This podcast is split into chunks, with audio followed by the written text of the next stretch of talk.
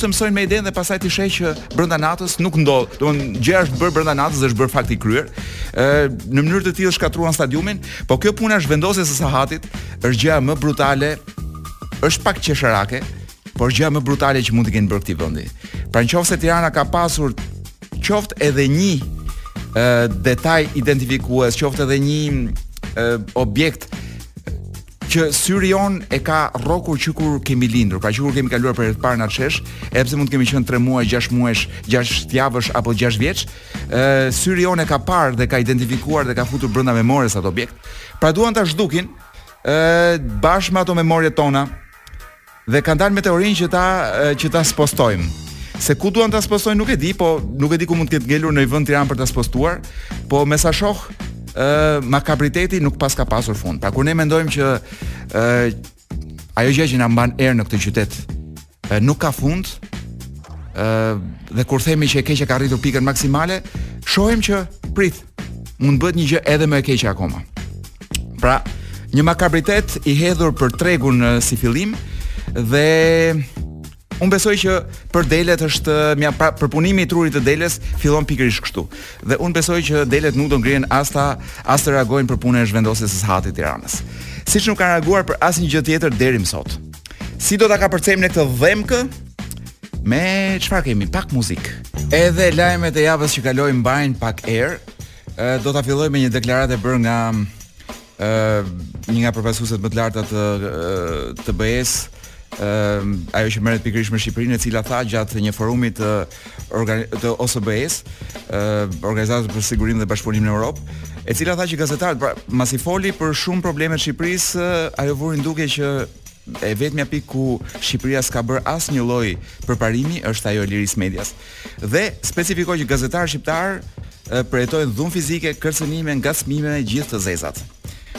Çka do thotë që të paktën departamenti i gazetarisë do të hapë edhe një kurs taekwondoje mendoj unë ku gazetarët të paktën të stërviten për t'u mbrojtur nga vetja meqense për t'u mbrojtur vetë meqense ky shtet është i paaftë t'i mbrojë ata nga kërcënimet dhe nga dhuna.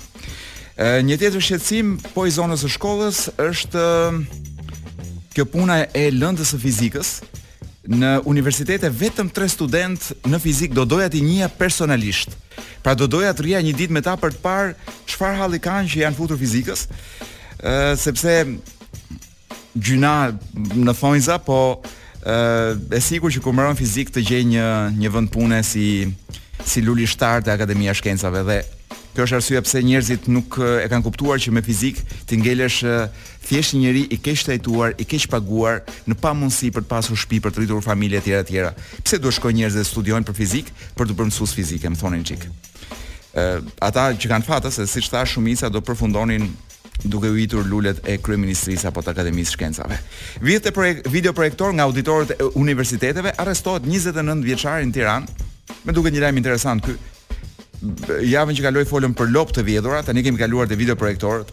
Ata të parët ne imagjinuam që mund të ishin aktivistë të të drejtave të kafshëve.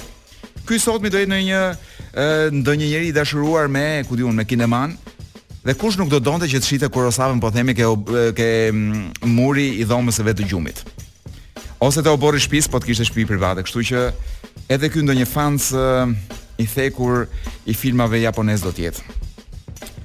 Po lexoj këtu që kreu i urdhrit të psikologut paska thënë Kreu, në fakt ishte krehesha, po nuk nuk për fjalën kreu nuk kemi një nuk na vjen uh, femërorja. Krejorja e urdhrit të psikologut paska thënë që uh, sipas uh, të dhënave të tyre është dyfishuar numri i personave me probleme të shëndetit mendor, unë mendoj që numri është prapë shumë i vogël. Uh, tani le të presim nga qeveria që të vendosë edhe këtu një bord transparence, si me thënë, për ta ulur ose për ta ngritur me dhunë numrin sipas nevojave të qeverisë.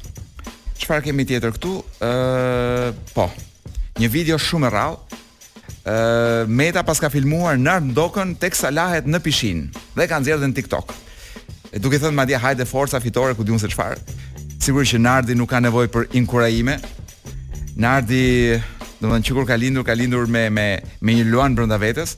Kjo është një video e jashtëzakonshme sepse mendoj unë, ë vetëm Ilir Meta mund ta kapë Nard Ndokën në këtë lloj intimiteti.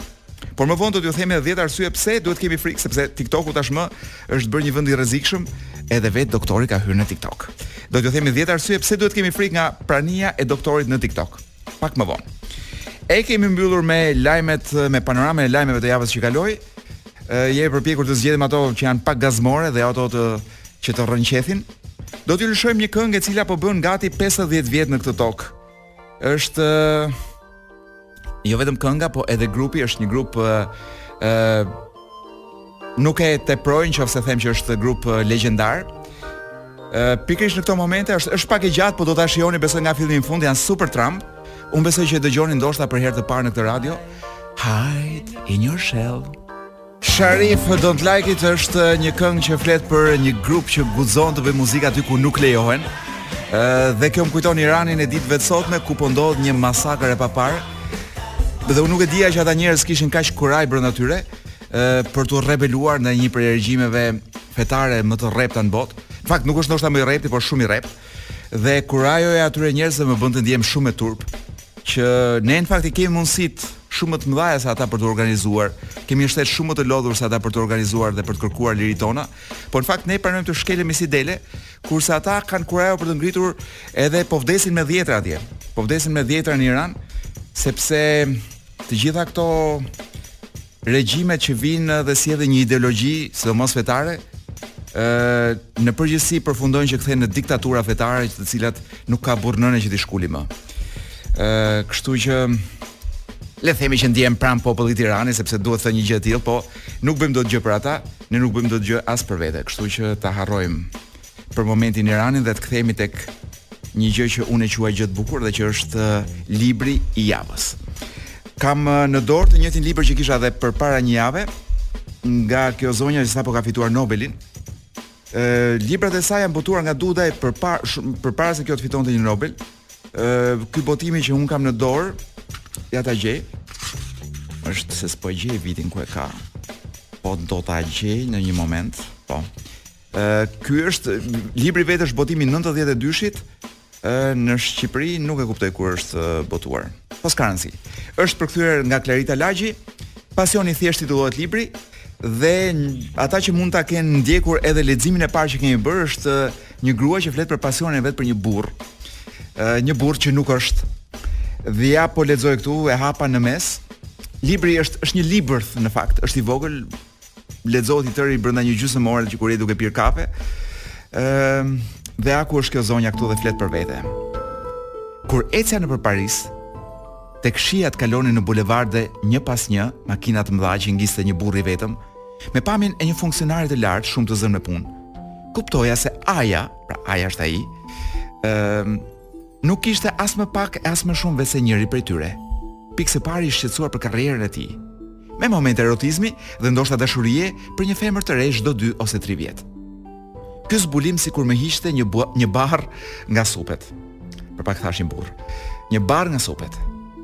Vendosja që të mos e shihja më. Isha e sigurt se më ishte bërë aq anonim dhe pa interes, Sa edhe kthej faqen, sa edhe drejtuesit e, e BMW-ve dhe të makinave R25. Por tek ecja, hidhja sytë në vitrina dhe shikoja fustanet dhe, lin, dhe të linjtat, si të isha në pritje të ndonjë takimi tjetër. Këto momente distancimi nga realiteti kalimtare më vinin nga jashtë. Unë vetë nuk i kërkoja. Përkundrazi, i shmangja rastet që mund të më shkëpusnin nga fiksimi im. Shmangja leximet, shëtitjet dhe çdo lloj aktiviteti që shijoja më parë. Dëshiroja me gjithë zemër të mos kisha asgjë për të bërë. E refuzova me forcë një detyrë suplementare pune që drejtori më kërkonte prerë ta bëja aq sa mend i këputa një të sharë në telefon. Më dukej sikur isha në të drejtën time kur kundërshtoja ato gjëra që më pengonin Të jepesha kokë e këmbë pas ndjesive dhe rrëfimeve imagjinare të pasionit tim. Në tren, në metro, në sallat e pritjes, në të gjitha ato vende ku është e lejuar që të mos merresh me asgjë, por sa ulesha, kridhesha në ëndërrime për A-në. Jo, me A-në, me A-në. Në sekondë, sapo hyja në këtë lloj gjendje, krijohej në kokën time një spazmë lumturie. Kisha përshtypjen se humbisja në një kënaqësi fizike sikur truri, nën vështrimin e përsëritur të të njëjtave shëmbëlltyra, të të njëjtave kujtime, mund të ndjente kënaqësi, sikur të ishte një organ seksual njëlloj si të tjerët. Po kaloj pak te kjo pjesa këtu se dua të shkoj tek eh, momenti kur vjen pranvera, mm, një dy faqe më poshtë. Në pranverë, pritja ime u bë e pambarimtë. Një i nxehtë i parakohshëm kishte nisur qysh në fillim të muajit maj. Fustanet verore shfaqeshin nëpër rrugë, tarracat e kafeneve ishin plot e përplot. Dëgjohej pareshtur melodia e një vallëzimi ekzotik e pëshpëritur nga një femër me një zë të mbytur, lambada, se ky është shkruar pikërisht para 30 vjetësh kur kur kishte dalë ajo kënga e lambadës. Rikthehem te libri. Gjithçka nënkuptonte mundësi të reja kënaqësish, të cilat mendoja se A-ja parashikonte t'i shijonte pa mua në krah. Posti që ai mbante funksionet e tij në Francë, më dukeshin të një niveli shumë të lartë, që mund të nxisnin adhurimin e të gjitha femrave. Ndërkohë që përkundrazi veten e nënvlerësoja, duke mos gjetur asgjë interesante që të mund ta mbante atë pranë meje. Kur shkoja në Paris, në një lagje çfarëdo, më dukej sikur gjithkohës Jo, më dukej gjatë gjithë kohës sikur do ta shihja të kalonte me makinë me një femër në krah. Dhe unë ecja me tupi, trupin drejt në një qëndrim serbes dhe kryelartë, sikur aq më bënte që do ta shihja ashtu.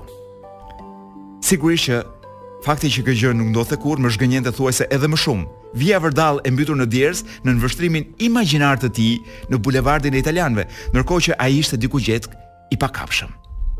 Pamja e tij te ngiste makinën me xhama të ulura, me radion kup qiellit, në drejtim të parkut të Shos ose të pyllit të, Vinse, të Vënsenës, nuk më shqitej nga mendja. E të tjera, të tjera. Domethënë është një pasion i saj i thjeshtë, është i përshkruar në një mënyrë kaq të të, të thjeshtë Po më duket sikur flet për gjithë njerëzit, nuk nuk besoj se ka njeri në Tiranë ose nuk do ketë njeri në Tiranë, se nuk di ç'bëhet në rrethe, që në një moment të jetës tij nuk do e kaloj këtë dramën e kësaj zonjës këtu. Pra kur ti pret dikë që nuk vjen kurrë, edhe vetëm imagjinon dhe ndërton një realitet tjetër.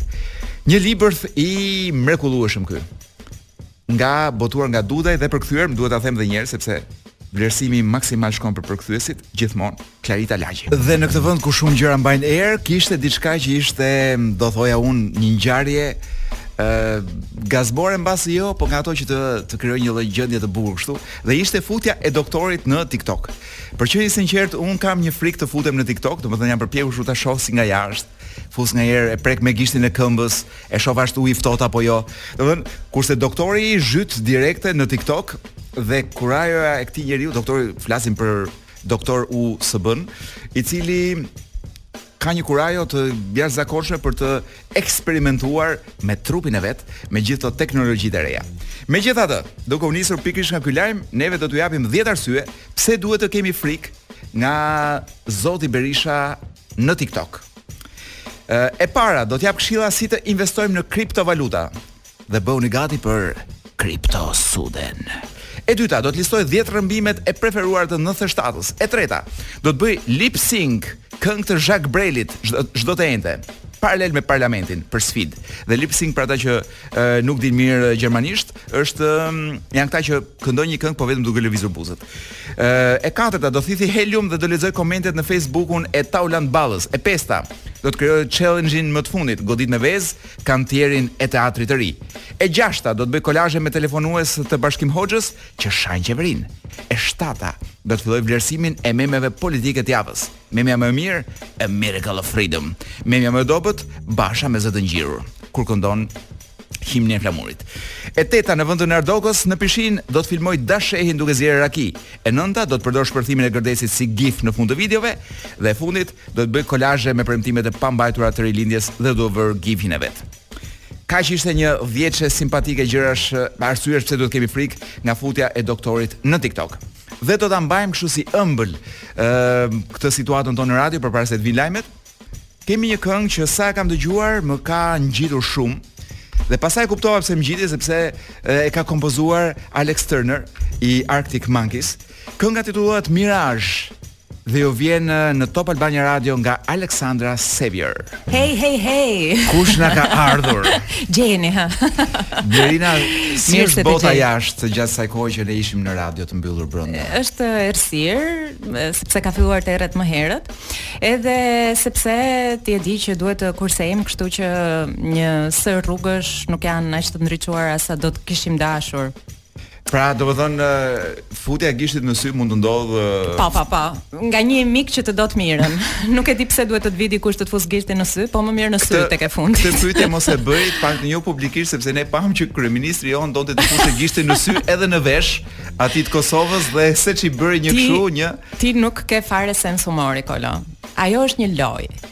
Nuk ke luajtur ti kur ke qenë i vogël me shokët e tu hapa dollapa? Jo, po. Kush është fshehur mbrapa? Një sekond, se ne nuk luanim dot delegacionesh. Pra sepse kjo është një lojë brenda një loje, se ata ishin duke luajtur delegacionesh në një vend serioz. Nuk e di, e ndjej që ke mungesë të madhe ironie, vetironie edhe Edhe nuk e kuptoj mirë botën. Nuk e kupton mirë botën e politikës mbi të gjitha. Që po s'ia fut tjetrit një gisht në sy nga mrapa ose në vesh ose në hundë. Ajo ishte me dashuri. Po sigurisht. Domethënë ai si vëllezër që jemi. Ky e do aq shumë Albinin, saqë ça s'po bën domethënë me atë Vuçiçin që ti që edhe Vuçiçi t'i t'i fusë një gisht në hundë Albinit. Po, Strategji e mirëmenduar. Eksakt, eksakt. Përveç kësaj, po. Po, jo, përveç kësaj, një pyetje tjetër më fal se ngaqë po, vjen nga jashtë dhe mezi po pres të marr vesh. Ti apo unë gjithë përgjigjet. Lajmet më të fundit, a është akoma aty Sahati i Tiranës? Pse çka? Kam shumë frikë se nuk e kanë. Do ta lëvizin natën. Pse nuk është bukur? Jo, ka, po ndodh një gjë shumë e rëndë. Ha një. Që duan t'i duan t'i bëjnë puçin sahatit. Jo. Ja. Mirë këtyre gjërave të tjera ku diun, po, duan t'i bëjnë puçin sahatit po, si dhe duan ta heqin që atje. Jo. Nuk e di pse, arsyeja e vetme që më shkon mendja që kanë një plan diabolik. Ti prapë mungon në ndjenjë ironie dhe shakaje. S'e kam kuptuar mirë ndoshta edhe këtë. Nuk e ke kuptuar. Ka qenë një shaka, Kolo, nuk mund të jetë e vërtetë. Është një shaka, dikush tha që ore, me gjithë ato kulla që ka aty rreth rrotull, sahati është zhdukur, sepse ky është një fakt në fakt. Po. Atëherë pse nuk e marrim dhe ta spostojmë diku tjetër që të po, duket më mirë? Nuk mund t'i merrnim kullat për shembull dhe t'i spostonim diku tjetër po ku do të duhen. Po atë do bëjnë. Në fund atë do bëjnë, atë do ta shohësh. E gjithë kjo domethënë po bëhet për të spostuar kullat, jo sahatin, Kolo, duhet të lexosh mes rreshtave. Duhet të thellohesh. U përpoqa, u përpoqa, po ja, me kam vuajtur gjithmonë me thellimin. Prandaj duhet të më pyesësh mua, ke ndonjë pyetje tjetër? Jo, kam një pyetje. Dëgjo, ç'u bë me ata emigrantët? Uh, para se nuk është shumë për të qeshur, po më vjen shumë për të qeshur, mm -hmm. kur uh, mora vesh që Turqit, sepse tash ne jemi, kur ndodh diçka në Turqi, ne jemi, si ta kemi bërë vetë. Po. Po, ne jemi shpirtërisht të lidhur me... Vëllezër, të tjerë. Byrazer. Byrazer të mëdhenj. Jemi në një nivel byrazerllëku me po. ata. Dhe e, mora vesh që kishin dërguar e, një një tuf një tuf emigrantësh lakuriq. Ku ma? Nga Turqia në Greqi. Mos është ndonjë film. Nuk ishte film fare, ishin dhe ishin, pashë me kuriozitet dhe dukeshin gjithë kështu si meshkuj në pamje, të shkretët emigrantë, mirë që kanë dalë nga deti, ikin nga luftrat, nga ikin domethënë. Nga se e dallove që ishin meshkuj?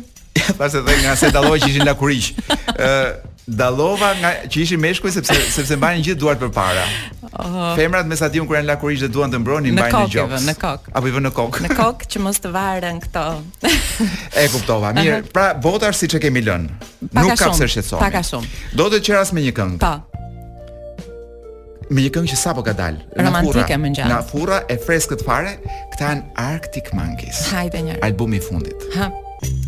Sa më sugjestionon mua ky titulli o Kolo. Se të vjen të thuash gjëra, sot nuk është kështu, sot nuk është kështu, po. sot nuk është kështu, edhe të vjen edhe të gjuash me një gjë në fund, pasi ke. Ore, më vjen edhe të them se s'vajta në punë sot, tek e fundit. Po. Po, pse u zgjova unë në mëngjes tërë atë vrull për të shkuar me vrap në punë kur sot s'është e hënë. Blerina të ftoj në një ping pong. Jepi. Jo, do ta nis unë shërbimin. Nisa, nisa. Atëherë, nga lajm le të shohim një herë çka ndodh nëpër botë nga këto lajme kështu si është bërë nami. Pozitive, o nami, po unë kam përzgjedhur ca gjëra që janë si për mua, lajme nga këto të mirat. Për shembull më pëlqen shumë lajmi që një pacient pas ka luajtur në saks Gjatë operacionit në tru, në Itali ka ndodhur. Çfarë do të thotë kjo më fal? Ndërkohë që i hapnin 10 burra nga mrapa, uh -huh. profesorë nga gjithë bota i hapnin trurin, i bënin operacion 9 orë operacion. Wow. Ky luante Me sa kuptova luante himnin e Mamelit. Himnin italian. Fratelli d'Italia. Nuk, për të kënduar jo, po i binte saksit. po mirë, si ka mundësi që të ndodhë kjo duke qenë se në tru ndërkohë i ndodhte operacioni, edhe zakonisht operacionet bëhen me anestezi lokale, totale etj etj. Më duket shumë interesante. Ky ky nuk kishte pranuar anestezi me sa kuptova, dhe donte të luante, po gjëja që më habit është kjo, jo gjëja që më habit, gjëja që më gëzon, unë shoh veten sikur jam matan perdes, pra unë jam te ata që po e operojnë. Po. dhe e imagjinoj për shkakun që ti prek një nerv dhe aty fa pikën shtr... do ikën ikën sa i ikën himni i del del ke himni shqiptar si më thon dëgjoj jo mua më vjen ka shumë inat që nuk e kam uh, përdorur kur bëra operacion apandesitin për shembull mund të kisha luajtur po nuk e di ndoshta mund të kisha kërcyer ndërkohë kërcimi është testi i vërtetë i le të themi për një për një mjek të mirë Duhet t'ia bëj operacion apandesitin duke kërcyer. Bukur. Uh, unë ndërkohë do të të surprizoj me një fakt shumë interesant nga Anglia është um, një ndodhi që ka ndodhur në 4 orë udhëtimi me avion ku kjo zonjë uh, mendon se ka takuar shpirtin binjak. Çështja është që mbasi ka dialoguar me këtë zotrin me emrin Paul për rreth 4 orë, ë uh, Ka harruar t'i kërkojë numrin e telefonit.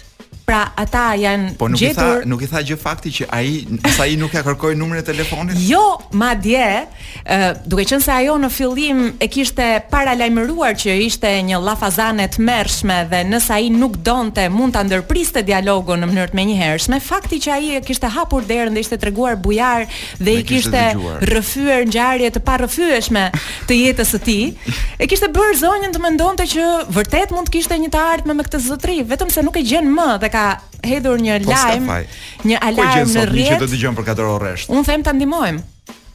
Duhet Unë them ta ndihmojmë. Ne kemi ekipe të specializuar në Londër.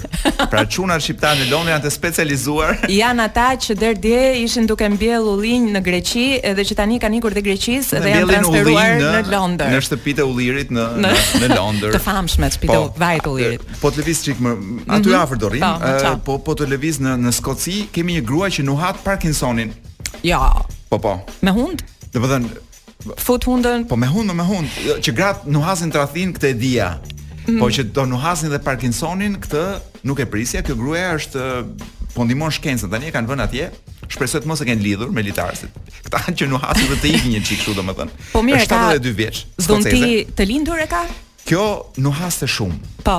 E kishte zhvilluar. Po, sa që ishin larguar gjithë njerëzit, nuk i rrinin afër. Punët e të tjerëve. Derisa kjo kuptoi që nuhati të shoqin, që të shoqit i ndryshoi aroma e trupit, nja 13 vjet para se ta zinte Parkinsoni. Seç ka ky, seç ka ky?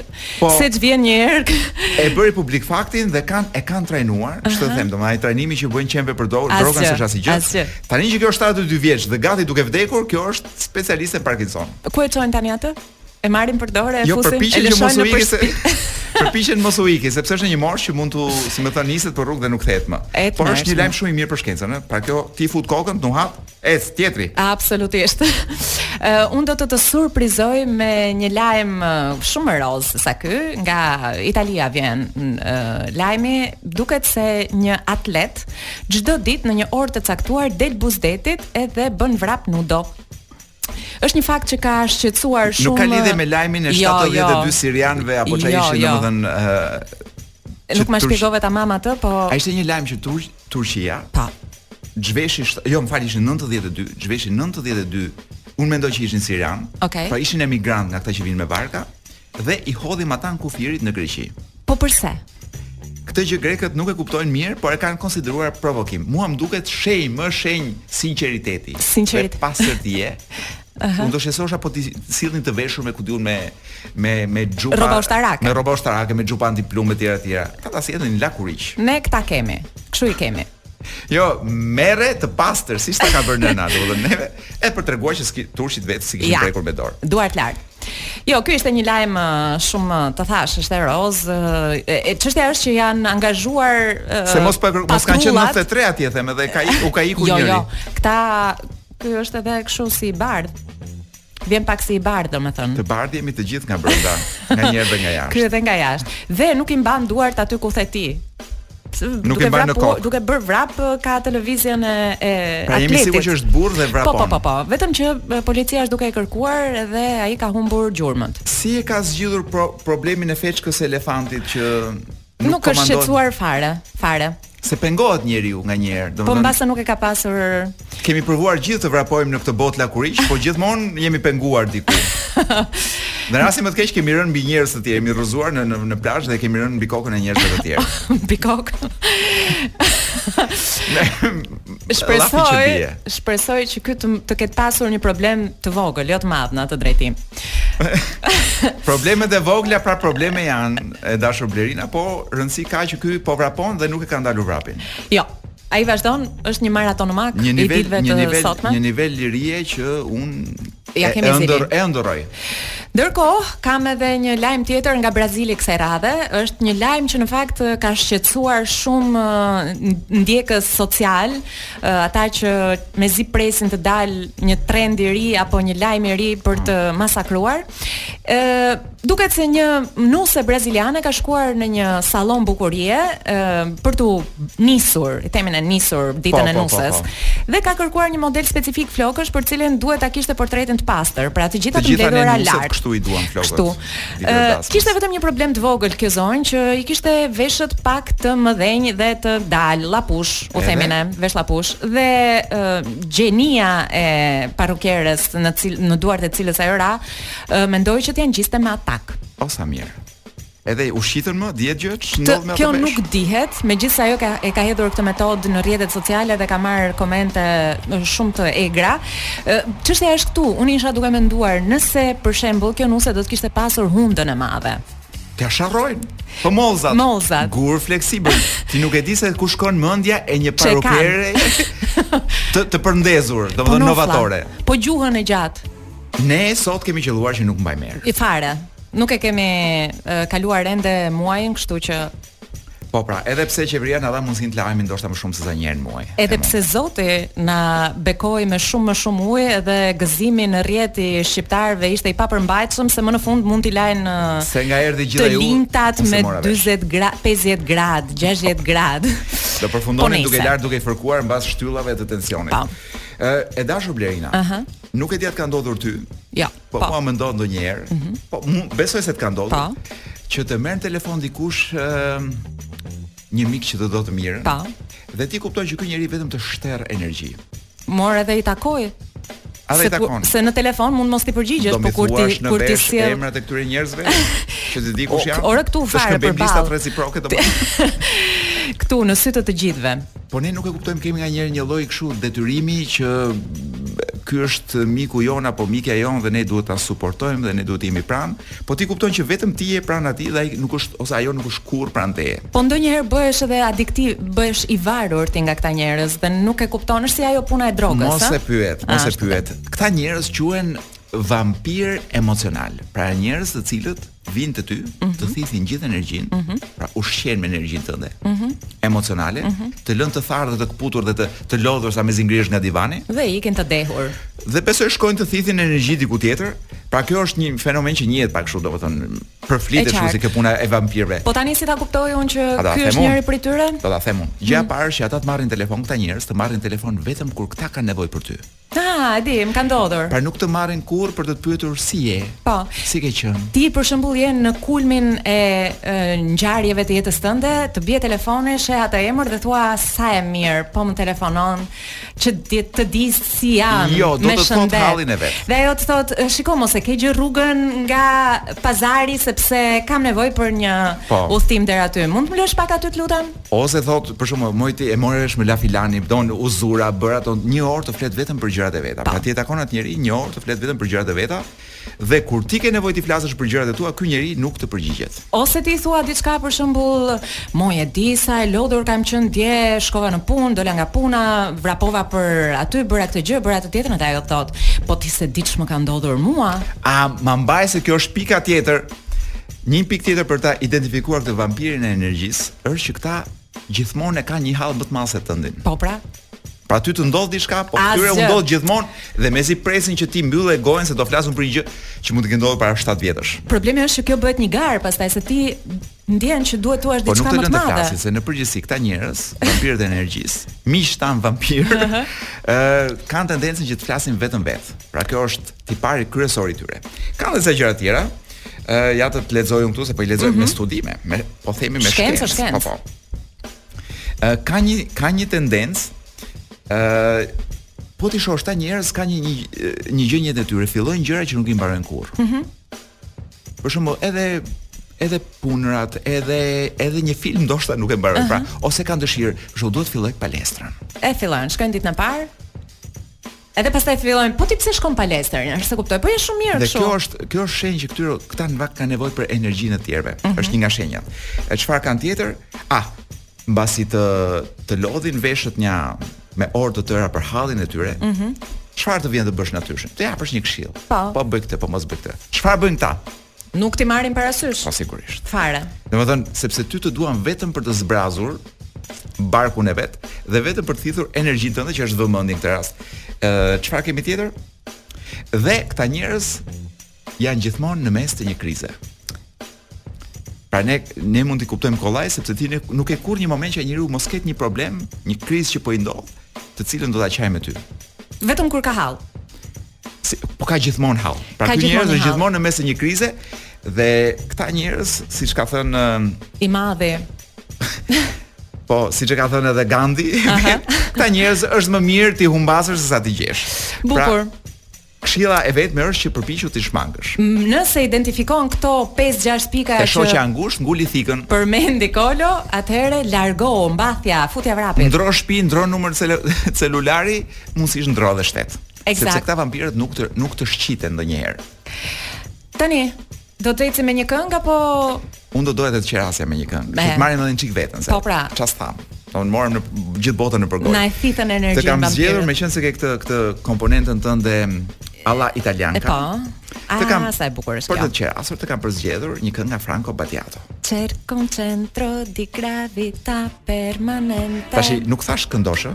Okej, po mund të Apo do të bësh karshillëk Franco Battiatos. Mund të ma mbyllësh mikrofonin si në parlament. Do të bëni garë.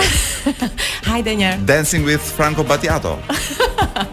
Një nga këngët e mia më të preferuara të albumit të fundit të Muse. Hmm. Më bën të ndjehem sikur jam Halloween. Tashi për njerëz që janë të dashuruar kjo këngë ndoshta nuk bën sepse është një këngë ku mbas da, është një këngë çdashurimi. Po meqense jemi në prag në vigjilje të Halloweenit. Në vigjill, po. Kurse mua kolo më bën të kërcej kjo këngë. Vërtet? Edhe unë kur kam qenë e re. po të gjitha kur kemi qenë të reja, kemi kërcyer që i kemi Ka qenë diçka shumë interesante se më thoshin që ti mund të kërcesh edhe me siglën e lajmeve.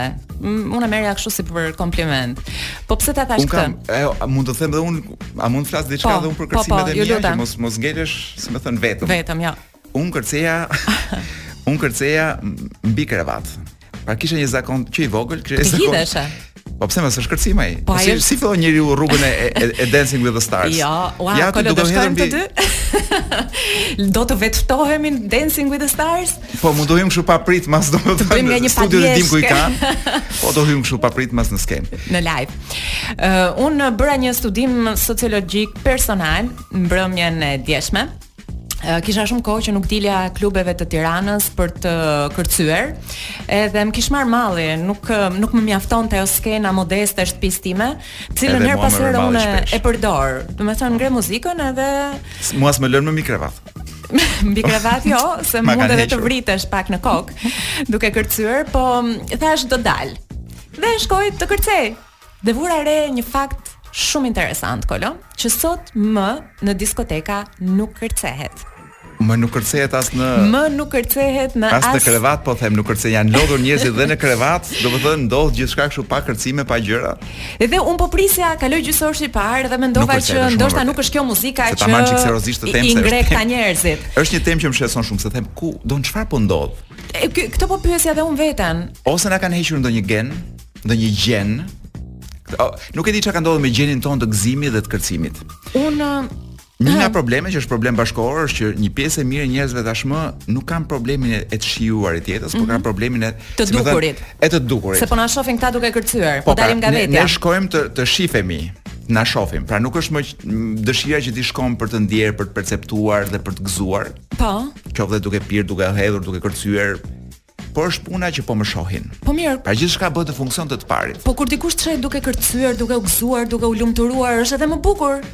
Po ai njeriu që të sheh duke kërcyer kështu, në fakt ai njeriu ndoshta nuk ka ardhur aty për të parë njerëz që kërcejnë. Po ka ardhur të shohë njerëz, njerëz në fotografi. Që pispilosen, edhe janë kështu rrin me buzë çu, edhe vënë këmbë përmbi këmbë. Këmbë këmbë përmbi këmbë. Po, ashtu. Mua më kujtua kolo kur kemi qenë ne të rinj, prap, Do ta fus veten. Para 5-6 vjetësh, domethënë, jo shumë larg. Ore një çast. Kemi qenë të rinj, ti ke qenë i ri në kohën e Nokia-s. Po. Un kam qenë i ri në kohën kur telefonat me Jo, ku telefoni ishte telegramit. Jo, telefoni ishte i ndarë, domethënë. Mikrofoni nga jo, nga, nga dëgjusja ishin të ndara, vinin me dy pjesë të veçanta. Dhe duhet të përdorje dy duar të mbaje mikrofonin. Ore shikon, ne shkonim në orën 10 të mëngjesit. në diskotek. Po. Në orën 10 mëngjesit se ndjeje një energji kështu të brendshme që duhet ta shfryje diku. Sepse prindi nuk të linte shpesh po natën, pra kishte një orar dhe shkohej dhe kërcehej. Po më herët akoma ju mblidheshit nëpër shpia, mbyllnit ato penxheret me me perde me batanie, nuk e di dhe kërce, kërcen ato... e shpresoj, domethënë. A aty kërcehej edhe jo vetëm kërcehej, po edhe edhe kërcitej, domethënë. Ëh. Kishte kërcitje të mëdha në Pra kish një dëshirë shumë të madhe për për për këtë atmosferën e të kërcyerit, sepse është shumë njerëzore. Uh -huh. Dapa dupa do të hidhesh dapa dupa. Tani, uh, Udi Alenit i kanë atribuar një thënie ndër filmat e tij në fakt, nuk është uh, që ja kanë atribuar më kot, e ka thënë një ndër personazhet e tij që thotë uh, kërcimi është shprehja vertikale e një dëshire horizontale. Dhe unë mbrëm në diskotek ndërsa prisja që njerëzit të kërcenin, më dukej që asnjëri s'kishte asnjë dëshirë horizontale. Ose mund të kenë dëshirat horizontale, po i kanë shumë të rrafshta. Domethënë shumë të, desha të thosha, i kanë shumë të ngurta, si me thënë, nuk kanë Jo, ashtu do kërcenin. Duhet Unë mendoj që kemi ardhur e para në kohën ku njerëzit nuk duket sikur mos vallë nuk kanë nevojë të shfryjnë, mos edhe kërcimi është kjo nxjerrje e energjive. Po ku, ku shfryjnë po, mund të di ku shfryjnë. Kur nuk ngarkohesh, nuk ke as ku shfryn. Ah. Kam përshtypjen që nuk kemi ushqim. Pra ti mendon që nuk hamë mirë apo mendon që jemi kthyer pak a shumë si si jemi bërë si peshq jo, në Jo karbohidrate, nuk ushqejmë shpirtin. Ç'më the? Ë? Mos e teprova pak?